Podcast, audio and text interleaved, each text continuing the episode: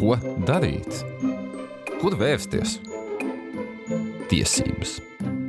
Kas ir tiesības? Kādas ir manas tiesības?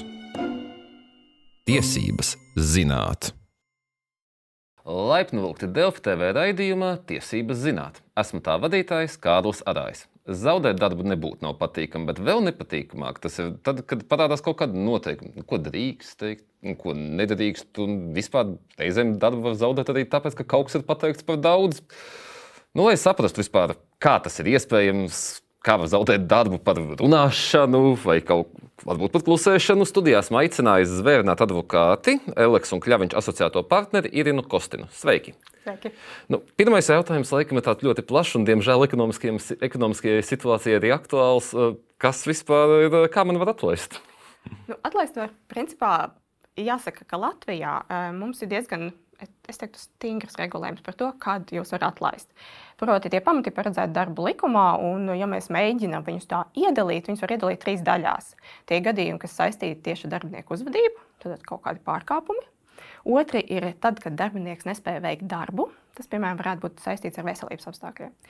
Un trešais ir tad, kad mums uzņēmumā ir kaut kādas organizatoriskas izmaiņas, piemēram, mēs kaut ko pārtaisām, pārveidojam savu darbību, un tāpēc mēs nonākam pie secinājuma, ka mums vairs, piemēram, konkrēts amats nav nepieciešams. Tad mēs arī, arī varam atlaist. Bet vai visas atlaišanas ir vienādas? Nē, viņas noteikti nav vienādas un atšķirās tas process, kādā jūs to varat darīt, kādā jums tas ir jādara kā darbdevējiem. Tas ir viens, un otrs ir arī atšķirās termiņi, cik ilgs ir piemēram uzteikuma termiņš. Varbūt ir dažādas sekas, tāpēc nē, noteikti nē. Un no darba ņēmēja puses kāda atšķirība, teiksim, atlaiž tāpēc, ka ir pārkāpums vai tāpēc, ka nezinu, ir slimība, kuras dēļ nevar pildīt darba pienākumus. E, principā jau tās atšķirības priekš darbinieka e, lielas varētu arī nebūt. Tādā ziņā, ka jebkurā gadījumā darbinieks var doties uz tiesu un apstrīdēt šo uzteikumu, ja mēs skatāmies no šāda punkta. Mm -hmm. Atsevišķos gadījumos ir darbdevēja pienākums, piemēram, maksāt arī atlaišanas pabalstu. Nu, tā, ja tā ļoti konkrēti skatās, tad tā, tie ir mm -hmm. tie mhm. galvenie aspekti. Bet vai atlaist var par um, jebkādu pārkāpumu? Piemēram, cilvēks nokavē vienu reizi darbu, desmit minūtes un viss, vai Nē, nu nevar atlaist par jebkuru pārkāpumu. Un, eh, ja mēs tagad skatāmies uz tiem gadījumiem, kad ir tie, tad ir, es teiktu, vienkārši konkrēti pieci gadījumi, kad mēs varam runāt par e, darbinieku kaut kādiem pārkāpumiem, uz kuriem mēs varam atlaist. Tie būtu? Tie būtu, tas ir būtisks darba līguma vai darba kārtības noteikuma pārkāpums. E, tā ir pretiesiska rīcība darbtiesisko iz, pienākumu izpildes laikā. Akal, un vēl viens tas pats gadījums, kā darba tiesisko pienākumu izpildes laikā, mūsu rīcība, kas ir pretēji labiem tikumiem. Tad ir gadījumi, kad darbinieks atrodas darbā alkoholisko, toksisko vai kaut kāda cita apreibinoša vielu ietekmē. Nevis ietekmē, bet reibumā. Un pēdējais gadījums ir darba drošības pārkāpumi. Tad, ja jūs kā darbinieks ne tikai esat pārkāpis darba drošības kaut kādus noteikumus, bet arī esat potenciāli radījis, potenciāli radījis bīstamību kādam citam vēl. Tātad, principā, nevajag dzert, nevajag apdraudēt citus un Jā. nevajag nopietni pārkāpt noteikumus. Tas ir tāds īsais rezumē. Tas ir īsais rezumē, jo, bet, ja mēs runājam par tām piecām minūtēm, kad mēs kavējam darbu, tas var būt ļoti atšķirīgi. Atšķirīgas situācijas, jo, pieņemsim, ja ķirurgs 5 minūtes nokavē operācijas sākumu, tas ir noteikti, nu, lielākajā daļā gadījumā es teiktu, ka tas ir būtisks pārkāpums, tāpēc, ka operācijas zāle ir aizņemta, viss pārējais personāls ir klāts, tu nokavē 5 minūtes no operācijas laika. Tas varētu būt būtisks. Ja ir gadījums, kad vienkārši darbinieks, piemēram, grāmatvedis nokavē 5 minūtes no darba sākuma, visticamāk, tas neradīs jums kaut kādus būtisku kaitējumu jūsu, jūsu uzņēmēji darbībai vai, vai kaut kādas liels problēmas. Tad, principā, kaitējumu es saprotu, var izvēlēties to smagumu var izvērtēt pēc nu, radītā kaitējuma. Bez šaubām, jā, tas būtiskums tiek vērtēts katrā konkrētajā situācijā. Vai kaut kāds risks radīts uzņēmējdarbībai, vai kaut, kādas, kaut kādi zaudējumi, vai kaut kāds reputācijas aizskārums galu galā. Tas katrā konkrētajā gadījumā ir jāskatās, kas tas ir par darbu, ko jūs veicat, kādi ir tie apstākļi un tā tālāk. Teorētiski es gribētu tomēr brīdināt, ka arī ja 5 minūtes jūs kavēsiet regulāri, pastāv iespēja, ka jūs varat arī atlaist. Ja tad jau tās 5 minūtes akumulējās. Un... Jā, arī tā var skatīties. Uh, bet ko man darīt, ja labi, man jāatlaiž, piemēram, bet man šis pārkāpums absolūti nebija tik nopietns. Es varu kaut kur iet, sūdzēties, iet, nezinu, ko man darīt. E, jā, nu, pirmais mirklis, kad jūs varat teikt, ka pārkāpums nav būtisks, ir tad, kad jums darbdevējs prasa paskaidrojums. Jo tas darbdevējiem jādara, jāpieprasa tie paskaidrojumi par konkrēto pārkāpumu. Tas jau ir tas pirmais mirklis, kad jūs varat teikt, ka jā, varbūt ka kaut kas ir bijis, vai tieši otrādi vispār nekas nav bijis un jums ir nepareiza informācija. Tas ir tas viens mirklis. Ja tomēr darbdevējs izšķirās uzteikt darbtieskās attiecības, tad nākamais solis, diemžēl, ir došanās uz tiesu. Un tad jūs dodaties uz tiesu un sakat, ka šis uzteikums ir nepamatots, attiecīgi spēkā nesošs, jūs prasat atjaunot sevi darbā, un tad tiesvedības procesā darba devējs būs tas, kuram jāpierāda, ka uzteikums ir bijis pamatots, man bija pamats uzteikt um, šīs darbtieskās attiecības. Tiesāties ir dārgi. Bet tiesāties ir dārgi. Nu, es teiktu, ka tas ir ļoti, bet... ļoti filozofisks un retorisks jautājums. Un noteikti, ka tas nav lēti. Un noteikti arī tas ne tikai naudas izteiksmā nav lēti, bet arī tas laika patēriņa ziņā nav lēti. Jo principā jau tās tiesvedības termiņi, lai gan darbtieskās attiecībās tās lietas iet ātrāk, tur ir speciāls regulējums par to. E, principā jau nu, jārēķinās, ka tas ir gads, pusotri, varbūt pat divi atkarībā no tā, cik tā lieta sarežģīta. Mhm. Nu, tagad mums apmēram skaidrs, kā var atlaist un kā, bet gribētu pieķerties tieši vienam punktam, kas ir konfidencialitāte, kas ir arī mūsu raidījuma šī eh, galvenā tēma šodien. Ir, pirmkārt, jau gribētu saprast, kas eh, vispār darbā var būt konfidenciāla informācija, un eh, vai es vienmēr zināšu, ka kaut kas ir konfidenciāla informācija. Jā, es domāju, zin, ka pirms mēs runājam par to, kas ir konfidenciāla informācija, ir bišķi jāparunā par jēdzieniem, jo kas mm. mums pieredze rāda, ka tiek jaukti ir komercnoslēpums un ir konfidenciāla informācija. Un citreiz e, tas tiek jaukts un ne, netiek saprast tās atšķirības. Jo, ja paskatās uz darba likuma regulējumu, tad tur ir skaidri rakstīts par komercnoslēpuma aizsardzību, nevis par konfidenciālas informācijas aizsardzību. Komercnoslēpums būtu. E, ja mēs runājam tā ļoti vienkārši, komercnoslēpums ir kaut kāda tāda informācija, kas ir pirmkārt slepena, e, kurai potenciāli vai faktiski ir kaut kāda finansiāla vērtība, un ko attiecībā uz kuru darba devējs ir veicis kaut kādus pasākumus, lai to pasargātu, lai, lai to padarītu konfidenciālu. Nu, es domāju, ka viss tāds ļoti vienkāršs piemērs ir Coca-Cola recepte. Mm -hmm. ja, tad, tad tas noteikti ir komercnoslēpums.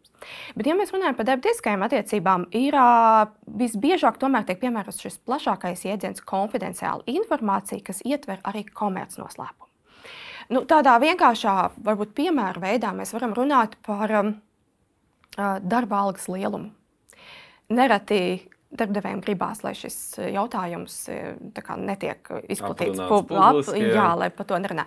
Eh, tad darba devējam ir tiesības noteikt, kura informācija ir konfidenciāla un tā skaitā komercnoslēpums.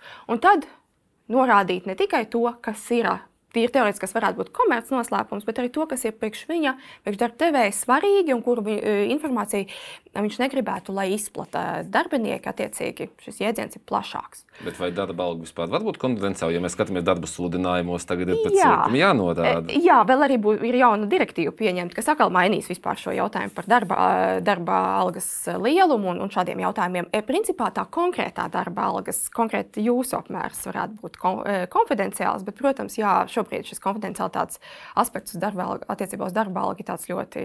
Mm, bet labi, tāds... nu, ieskilsim šo, kas vēl var būt konfidenciāls, piemēram, vai mēs saprotam tādos, nu, piemēros? Piemēram, arī ļoti daudz personāla dokumenti var būt konfidenciāli, ka mēs neizplatām šo informāciju. Proti, proti tā, kaut kāds tas, kas, nā, kuram potenciāli mums it kā neredzam tam finansiālu vērtību, bet kas, proti, tajā pašā laikā mēs negribētu, kad par to zina kāds cits. Piemēram, arī kaut kādi mūsu mārketinga paņēmieni vai kaut kas, kā mēs veidojam sadarbību ar mūsu mārketinga uzņēmumiem.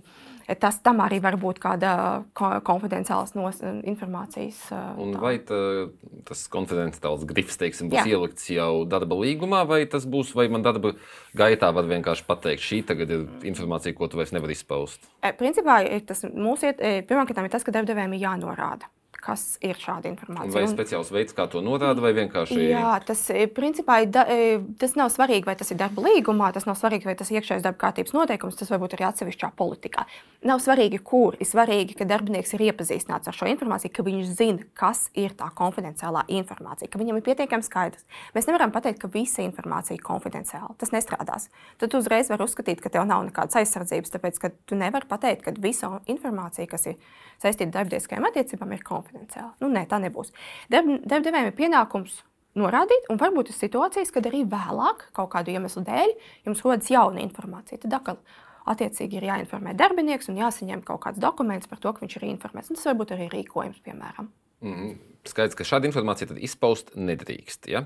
Bet, vai, piemēram, ja cilvēks saskata, ka ir iespējams kaut kas ne tāds, un kā trauksmes cēlājs darbojās, tad vai tad šāda informācija drīkst, teiksim, trauksmes cēlāja ziņojumā iekļaut, jo tas ir par ko daudz nu, bažās Jā. tomēr. Nē, tas ir savādāk. Ja mēs rīkojamies kā trauksmes cēlējs, ja mums ir pamats uzskatīt, ka ir kaut kāda situācija, par kuru jāziņo, tad ne, šis nebūs tas gadījums, kad nedrīkst izpaust ā, šo mm, konfidenciālo informāciju. Nu, otra lieta, protams, ir ģimene. Nu, algu, man darbdevējs var konfidenciāli pateikt, ka darba algas Jā. mans apmērs ir konfidenciāls, bet mājās sieva prasa, nu, kāda tad tev te būs alga. Nu, vai tad man viņai būtu jāsaka, eh, robežā no tu, 2000 līdz 3000, jo es nedrīkstu teikt, vai tomēr eh, es drīkstu, nezinu, Nu, sievai pateikt. Nē, nu, es teiktu, ka, ja ir konfidenciāls, tad ir konfidenciāls. Tāpēc liksim mierā sievas, draugus, radus.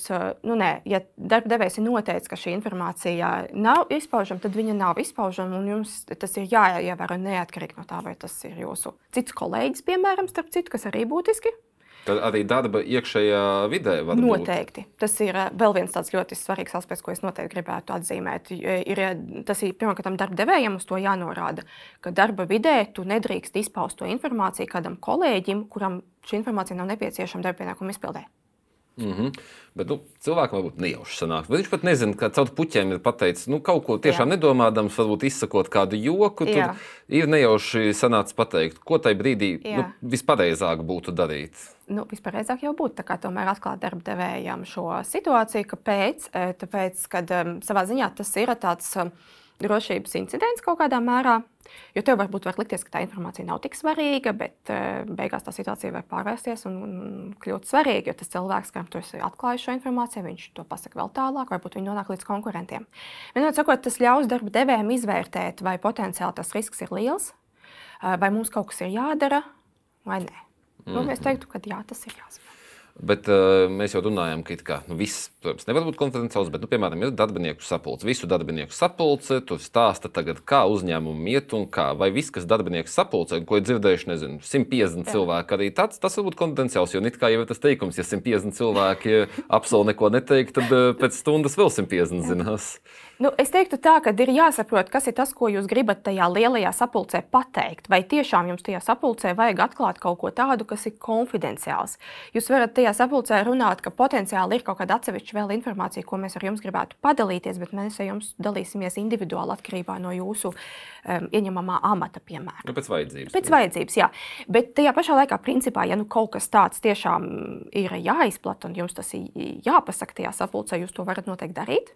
Bet tas, lai kā jūs varat aizsargāt sevi šajā gadījumā, tad visticamāk jums šajā sapulcē būtu jātaisa sapulces protokols ar visiem dalībniekiem. E, Konkrēti jāieraksta sapulces protokolā, kas tad tika paziņots tiem darbiniekiem, un darbinieki parakstās par to, ka viņi bijuši, ka viņi attiecīgi ap, apņemās ievērot šo, šo, šo, kom- šo šīs informācijas konfidencialitāti. Nu, tagad, protams, ir loģiskais jautājums, kādas var būt sekas, ja netiek ievērota šī konfidencialitāte. Nu, bija pirmkārt atkal jautājums par to, kas īsti ir. Jā, darbiniekam, bet te ir jautājums arī par to, e, ko tieši darbinieks ir izdarījis, kādā veidā viņš, kas ir tā informācija, ko viņš ir izplatījis. E, Tāpēc, principā, sekas var būt no, sākot no disciplināra soda e, līdz uzteikumam. Vai ar vēl vienu situāciju, ka mēs izplatām kaut ko jau pēc darbtieskām attiecību izbeigšanas. Un tad jau ir nedaudz savādāka situācija, jo tad uh, darba devējs, uh, vai es, protams, nevaru jūs atlaist, bet darba devējs var domāt par zaudējumu piedziņu. Uh, darba devējs var domāt par līgumsodu piedziņu, ja tāda iepriekš ir bijusi pielīgta. Tā kā nu, tādas iespējas darbdevējiem joprojām ir. Jā, par šo tieši gribēju jautāt, jo nu, ir arī tie līgumi, kur ir teiksim, rakstīts, ok, mēs darba attiecības izbeidzam kaut vai pēc apusējas vienošanās, Jā. bet tagad piecus gadus par kaut ko lietu X vispār nedrīkst runāt. Nu, pirmkārt, vai man drīkst liekt piecus gadus pat kaut ko turēt mutē, kad esmu brīvs, neatkarīgs cilvēks, un uh, otrs, jā, kas tad draud, jo es varbūt pat to laiku esmu pārcēlies uz Austrāliju dzīvot. Uh, jā, principā jums var. Ja tā vienkārši atbild ir, jā, var uzlikt, un uh, likums pat nepasaka, ka tam jābūt kaut kādam terminētam pienākumam. Tīri teorētiski tas var būt beztermiņa. Jo, ja es, piemēram, strādāju ar Coca-Cola recepti, es neticu, ka pēc pieciem gadiem tās vērtība varētu mazināties priekš darba devēja. Uh, tāpēc tas varētu arī būt beztermiņa. Uh, otrs, jā, jums var pielikt līguma sodu. Par tiem gadījumiem, ja jūs izplatīsiet šo informāciju, šo konfidenciālo informāciju ārpus darbtiskajām attiecībām pēc tam. Ja jūs pārceļaties, protams, rodas loģisks jautājums, cik ļoti, daudz, cik ļoti liela ir iespējamība, ka darbdevējs uzzinās, ka šī informācija ir izplatīta. Tas ir, tas ir, protams, tā ir un tā ir tā lielākā problēma. Tāpēc gadījumos, ja uzzinās, tad darbdevējs attiecīgi varēs rīkoties, kā mēs jau runājām. Nu, ja neuzzinās, nu, tad jums ir paveicies, protams. Mm. Uh, bet uh, man, piemēram, cik ir, vai ir šitie griezti tādam līgumsodam, vai tas varbūt darbdevējs var izdomāt, nezinu, 30 miljonu?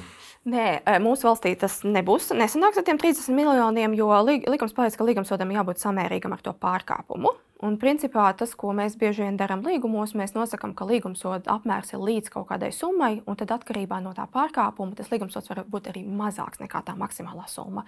Katrā konkrētajā gadījumā ir jāizvērtē tas pārkāpuma, tas smagums vai nozīmīgums. Mm. Un kā praksē jūs strādājat ar šo? Kā praksē šādi pārkāpumi bieži notiek? Nu, kad kāds kaut ko kaut kā Jā, es teiktu, ka diezgan bieži viņi notiek. Protams, atkal ir jautājums, cik ļoti bieži viņus uzķer, bet vai arī ja uzķer, tad ir cik tas nopietni. Kā tas Latvijā kā... izskatās? Nu, tiešām es gribētu saprast tā vispārēji no prakses arī, jo šobrīd mēs ļoti teorētiski runājam, gribētos arī no prakses puses to redzēt. Bet, nu, tas, kas, ko bieži vien darbinieki īsti nesaprot, un te es eh, gribētu teikt, ka tā ir bumbiņa bieži vien tieši darba devēja lauciņā. Darbinieki nesaprot, pirmkārt, vienmēr, kas ir tā konfidenciālā informācija, otrs, kā mums ir jārīkojas ar konfidenciālo informāciju, ka, piemēram, tik vienkāršs princips, kā kā tīrā galda politika. Arī tad, ja jūs strādājat no mājām, arī tad, ja jūs strādājat eh, kafejnīcā, ka mēs savu datoru, kas ir darba pienākumu izpildē nepieciešams, mēs nedodam citiem cilvēkiem, arī sievai nedodam, bērniem nedodam spēlīt, spēlēt. Mēs domājam par to, kādas lapas mēs apmeklējam, lai nerastos kaut kāda atkal drošības incidenti. Mēs nemēģinām sabiedriskā transporta apspriest dažādas ar darba, darba izpildu saistītos jautājumus, kas ir nu, reāli gadījumi. Tie tiešām ir reāli gadījumi. Arī tramvajā esmu dzirdējis līgumus pārunāt. Tieši cilvēki. tā, nu, tam tā nebūtu jābūt viennozīmīgi. Tāpat tās ir Citreiz darbinieki vienkārši pat nesaprot, jo ir bijuši gadījumi, ka darbinieks vienkārši nolēma aiznest uz mājām dokumentus, tur kaut kādu prezentāciju par jaunajiem uzņēmumu plāniem. Viņš aiznes uz mājām šo prezentāciju, viņš pazaudē viņu.